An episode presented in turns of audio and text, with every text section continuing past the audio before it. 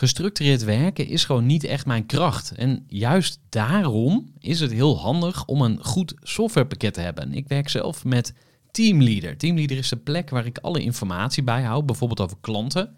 Waarin ik offertes maak en verstuur en die digitaal laat ondertekenen. Waarin ik facturen verstuur, waarin ik lijstjes bijhoud, waarin ik projecten kan managen, waarin ik standaard e-mails kan programmeren. Kortom, ik gebruik Teamleader om alle werkprocessen van mijn bedrijf te stroomlijnen. En zeker ook als je met een team werkt, is het heel fijn om over dezelfde informatie te beschikken. Nou, als je ook benieuwd bent of er mogelijkheden zijn om jouw bedrijf meer te stroomlijnen, of je nu alleen werkt of met een team, ga even naar teamleader.nl slash groeivoer en je kunt dan vandaag nog een trial starten voor twee weken lang, gratis.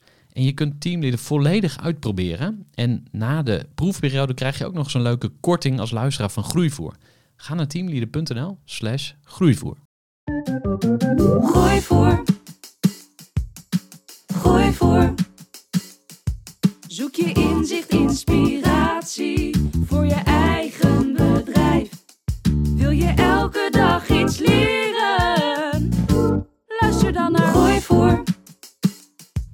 Welkom bij weer een nieuwe aflevering van de Groeivoer podcast. En deze keer ga je luisteren naar Jules van den Bomen. Zij is auteur van het boek Optimisme aan het werk.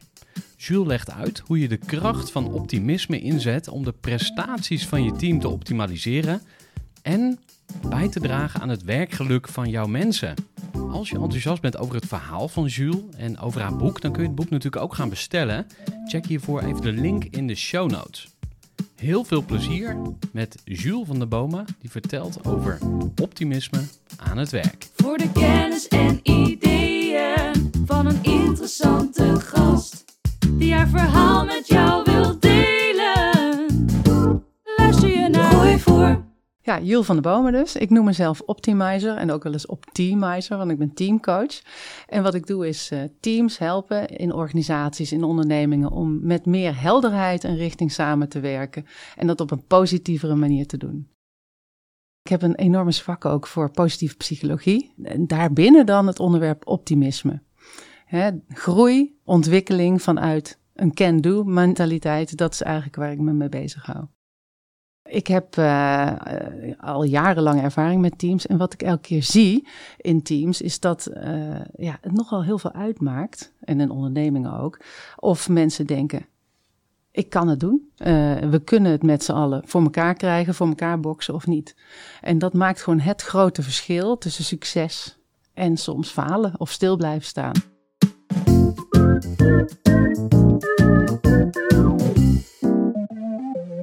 Uh, zeg maar uh, geboren als ondernemer. Het was niet dat ik het per se wilde worden. Maar als ik kijk naar ondernemers. Uh, ja, ik zei al, ik heb een beetje wat met. klein beetje. Wat met optimisme met dat thema. En ondernemers die moeten bijna wel optimistisch zijn. En als je kijkt naar hoe onze maatschappij ruilt en zeilt. dan hebben ondernemers daar natuurlijk een enorme rol in. doordat zij dingen aandurven te gaan en uh, ja, vernieuwing brengen, ideeën hebben en die ook in de markt zetten en gaan uitwerken. Dus ja, dat heb ik zeker met ondernemers. En een van mijn kernwaarden is vrijheid. Een beetje kunnen doen hè, wat je zelf interessant en leuk vindt. Nou, en ik heb het idee dat ondernemers dat over het algemeen ook wel doen. Ja, het boek gaat eigenlijk vooral over optimisme. Nog, nog niet per se over teams, maar wel over optimisme in je werk. Het heet ook optimisme aan het werk. Eigenlijk gaat het over optimisme voor je aan het werk zetten. Ik ben uh, op dat boek gekomen omdat ik, wat ik al eerder zei, heel erg ervoer tijdens mijn teamcoachings en ook tijdens individuele coachings dat mensen zichzelf heel erg kunnen blokkeren uh, in hun doen en laten door hun overtuigingen, door of ze geloven dat, uh, of ze echt iets voor zich zien dat iets gaat gebeuren. En dat vond ik een heel interessant fenomeen. En uh, ja, zelf heb ik daar ook wel last van. Dus uh, ik dacht, laat ik daar nou eens even gewoon helemaal induiken. En kijken of al die dingen die ik daarover denk ook kloppen. En uh, ik ben eigenlijk een soort onderzoek naar gaan doen van hoe werkt optimisme nou? En hoe werkt het in je voordeel? Wat kun je ermee? En hoe kun je het ook versterken? Als je specifiek naar ondernemers kijkt, dan blijkt dus uit onderzoek dat optimisme, realistisch optimisme, welgesteld, dat dat leidt tot hogere winsten. Uh, het blijkt gewoon zo te zijn dat uh, pessimisten slechter scoren qua resultaat dan optimisten. En uh, dan is het wel belangrijk om daarbij stil te staan bij het feit dat dat vooral geldt voor die realistische optimisten. Waar ik juist mijn boek voor heb geschreven.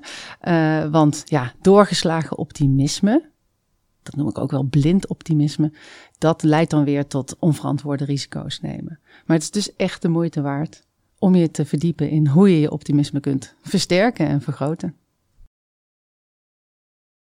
Als ondernemer heb je natuurlijk bij uitstek ook jezelf te motiveren. In principe uh, doet niemand anders dat voor je. Dat moet je zelf doen. En uh, als je kijkt naar optimisme, dan noem ik het ook wel de brandstof in onze motivatiemotor.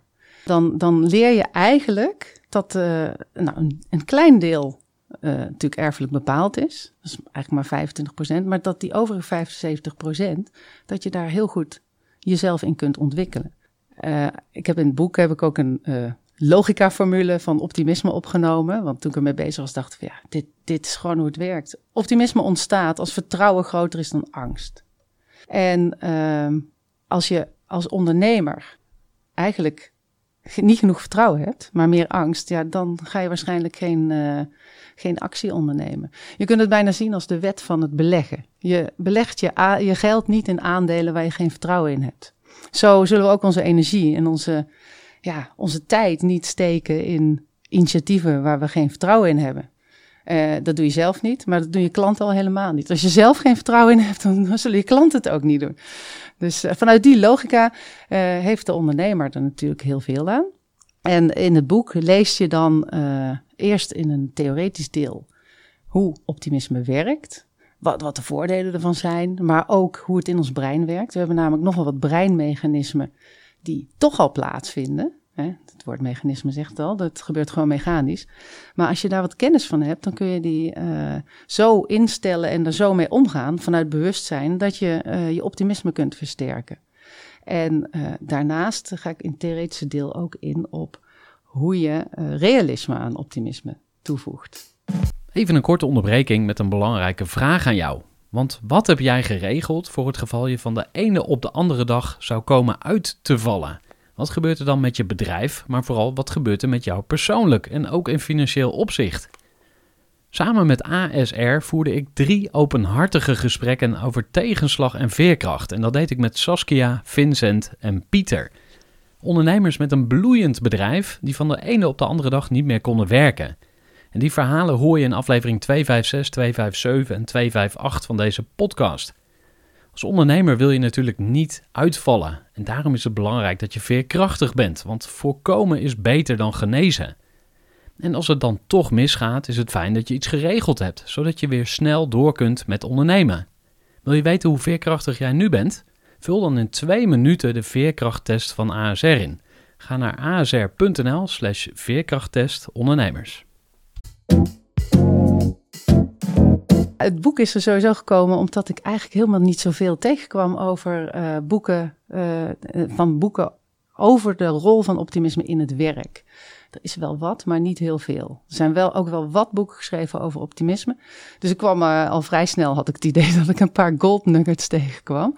Maar ja, de, de kern, er zijn een paar dingen die ik heel interessant vind. Bijvoorbeeld de wetenschap dat ons brein toch altijd al de informatie om ons heen aan het filteren is. We hebben zelfs een gebiedje in ons brein. Dat heet uh, de Reticular Activatory System. Uh, ik noem het liever onze innerlijke focusfilter. Die is eigenlijk altijd al bezig met informatie om ons heen te filteren uh, naar dat wat we belangrijk vinden. Nou, dan kan je voorstellen dat het nogal wat uitmaakt of je uh, vanuit angst werkt en redeneert of vanuit vertrouwen. Nou, dat is een heel belangrijke. En dat is eigenlijk een mooi voorbeeld van de kern, die, uh, zoals ik optimisme zie, die gaat eigenlijk over twee dingen. Uh, de eerste is dus hoe manage je je aandacht? Welke informatie zoek je bewust of onbewust op? zijn we altijd aan het doen. We zijn altijd ja, bezig met filteren wat er om ons heen gebeurt. En ten tweede gaat het ook over wat verhaal, wat voor kaas maak je eigenlijk van de werkelijkheid? Wat voor verhaal maak je daarvan? Over je verleden, je heden en ook over de toekomst. Ik zeg wel, ons brein is een grote betekenisgever.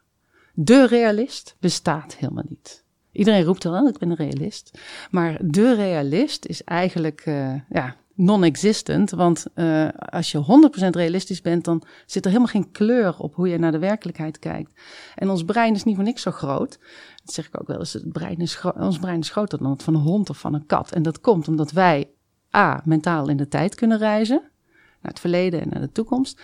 En B, doordat we echt kunnen nadenken over dingen en er dus betekenis aan geven. Nou, en dat is dus heel belangrijk als je kijkt naar optimisme. Wat voor verhaal, wat voor kleur geef je aan het verhaal van de werkelijkheid? En is dat dan een verhaal waarin jij ziet dat je invloed kunt uitoefenen op die werkelijkheid?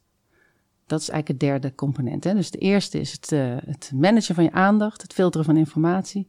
Het tweede is het verhaal wat je jezelf verkiest te vertellen.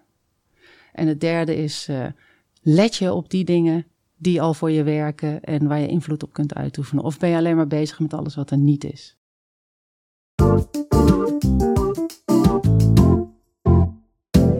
Nou, ik zei net al van, hè, als ondernemer moet je jezelf een beetje kietelen en motiveren.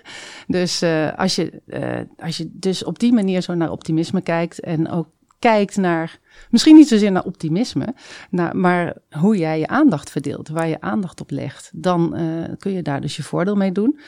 Als ondernemer is het ook belangrijk om door te zetten. in, in mijn boek ik heb net gezegd, uh, er is een theoretisch deel, maar er zit ook een praktisch deel in.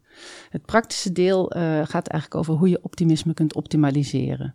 En daar, daarin lees je over hoe je, uh, je over je denken kunt nadenken. Daarin lees je ook de bekende valkuilen die we allemaal kennen, maar waarvan ons eigenlijk helemaal niet van bewust zijn dat we die hebben. Ik noem maar wat, zwart-wit denken of uh, ontzettend overdrijven of de zaken dramatiseren. Nou ja, als ondernemer kan je daar ook je voordeel mee doen, zeker als je het even moeilijk hebt. En uh, wat heel belangrijk is voor iedereen, maar zeker ook voor ondernemers, is om te weten hoe stress werkt in ons brein. Dat neem ik ze ook in mee. Um, Stress vernauwt ons bewustzijn. Dat schakelt echt letterlijk bepaalde delen van onze hersenen nou ja, bijna uit. Waardoor je niet meer zo goed in oplossingen of in alternatieven kunt denken. Als ondernemer is het dus belangrijk om echt goed te weten wat je wil. En ook al, juist als je in die put zinkt, om het zo maar te zeggen. Uh, of als iets tegenvalt, om te kijken naar, maar waar sta ik nou voor? Waar wil ik voor staan? Wat zijn mijn kernwaarden? Wat is de waarde die ik wil leveren? Nou, soms kan dat niet meer op een bepaalde manier. de coronaperiode is daar een hele mooie, heel mooi, nou, heel mooi, niet, een niet leuk voorbeeld van. Maar we hebben ook gezien hoe ontzettend flexibel en creatief uh, veel ondernemers daar ook mee om zijn gegaan. die hebben dus gekeken naar, als het niet kan zoals het moet, dan moet het maar zoals het kan. En daar uh, reik ik je wel allerlei tips voor aan. Het boek, het tweede deel van het boek, vooral, ook in het eerste deel zitten ze al, zitten een aantal oefeningen, dat noem ik optimizers. Maar in het tweede deel van het boek gaat, uh, gaan twee hoofdstukken in op twee modellen die samen het Power to Change model vormen. En het Power model gaat in op de krachtbronnen van optimisme. Dat zijn vijf factoren die je op orde kunt brengen, waar je bewust energie aan kunt geven.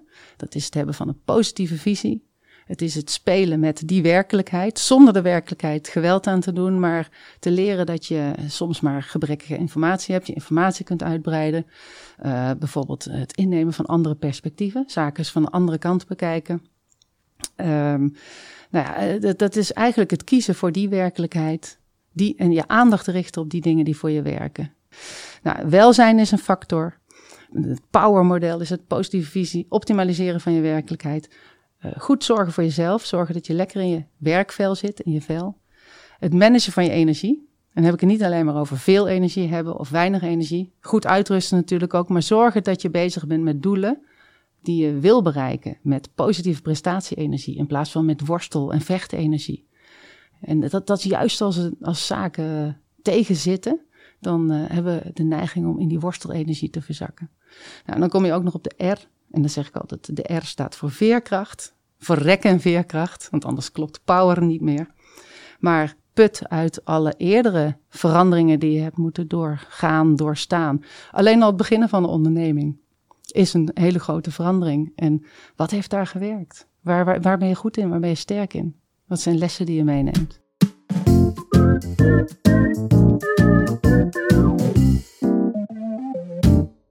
Daar waar het power-model uh, zich richt op de krachtbronnen van optimisme, een soort basis noem ik het wel, richt het change-model zich op de, ja, ik noem het houdingsaspecten tijdens verandering, om optimistisch door verandering te gaan. Want het helpt mij in elk geval, en ik zie dat ook bij coaches en bij teams die ik coach. Het helpt mij erg om je op een bepaalde manier bewust te zijn van een aantal elementen. Zes elementen heeft het uh, change model. De C van change die staat voor comfortzone. Eigenlijk zou het ook kunnen staan voor hè, comfortabel worden buiten je comfortzone.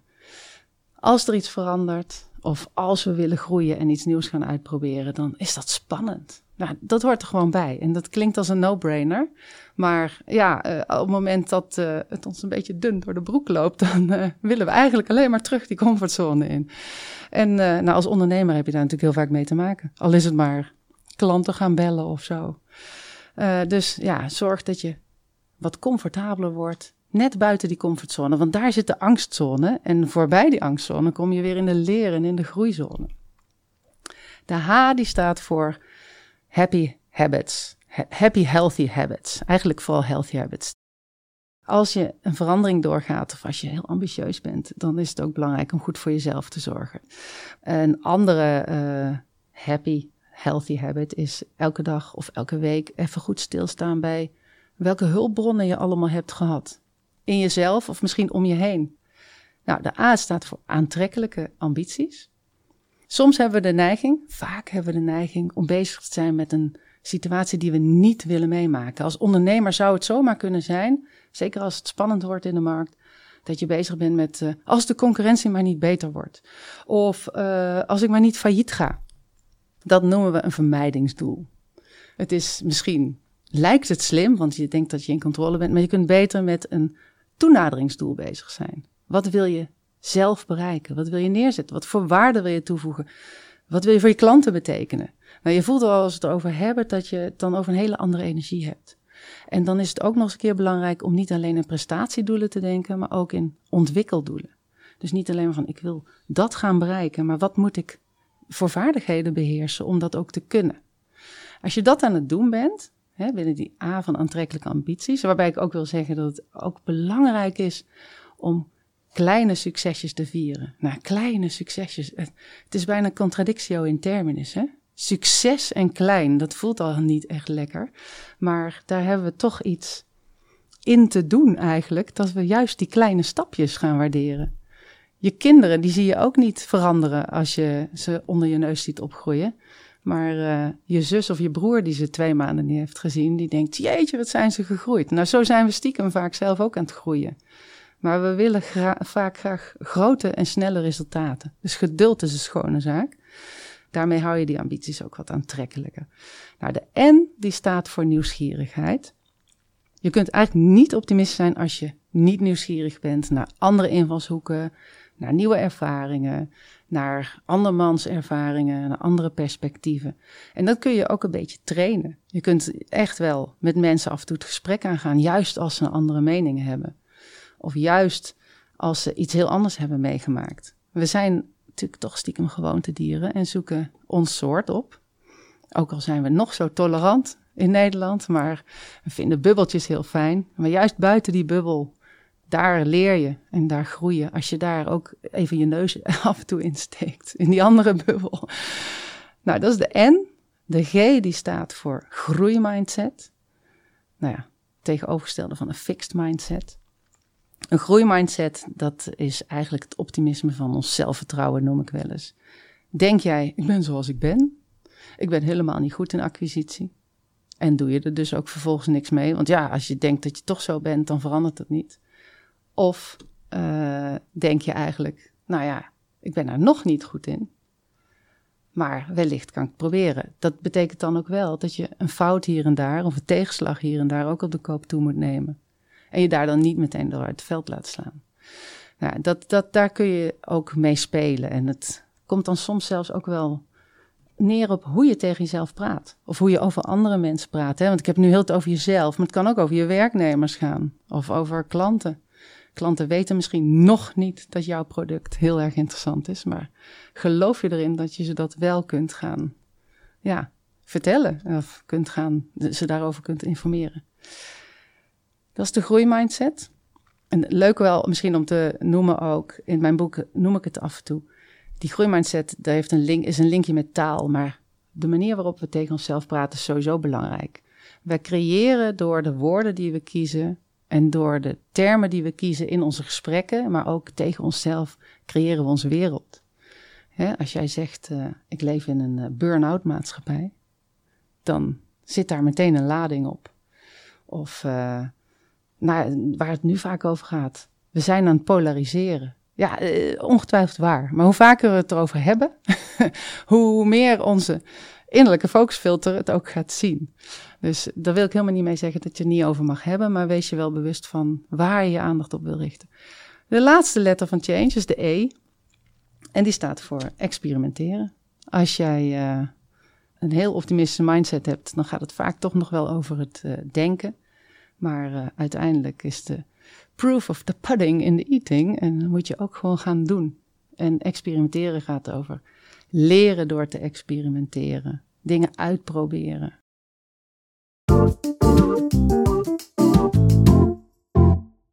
De vraag om één ding toe te passen vind ik heel lastige, maar uh, ik ga toch iets in smokkelen. Het is sowieso belangrijk om te weten wat je wil, waar je voor staat en waar je voor gaat, wat je kernwaarden zijn. Maar als ik er eentje zou moeten kiezen, de huistuin- en keukentip, dan is het misschien toch wel de N van nieuwsgierigheid. Blijf nieuwsgierig, want daarmee eh, daarmee train je eigenlijk die perspectiefspier, zoals ik het ook wel wil noemen.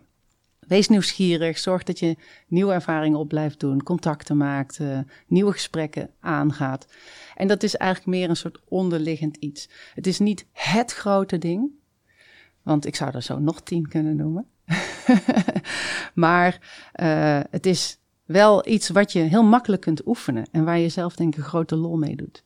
En daarnaast is het gewoon de basisgedachte. Hoef je verder niks mee te doen, moet je alleen af en toe realiseren. Is, die ik echt heel belangrijk vind, is het idee dat er gewoon niet maar één werkelijkheid is. Nou, een van mijn belangrijkste inzichten is dat ondanks dat dit gaat over hoe je denkt, dat je soms ook vooral moet gaan doen. En niet alleen maar moet blijven ja, ik vind dat in het Engels zo leuk klinken, overthinken. We hebben een handje van, en dat is ook een beetje excuus, dus vaak toch die angst die ons tegenhoudt, uh, om te gaan overthinken. En uiteindelijk is dan het motto, ik hou van tegelteksten, ga voor vooruitgang in plaats van voor perfectie. progress over perfection. Nou, mijn boek ligt niet in fysieke winkels, maar wel in alle online winkels zo ongeveer, waar je boeken kunt kopen. Dus uh, ja, denk aan Bol, denk aan Managementboek en denk bijvoorbeeld aan Boom. Uh, dat is mijn uitgever. Boom.nl, daar kun je hem zeker ook krijgen. Uh, maar google gewoon op optimisme aan het werk, Jules van de Bomen, en dan verschijnt hij in scherm. Gooi voor.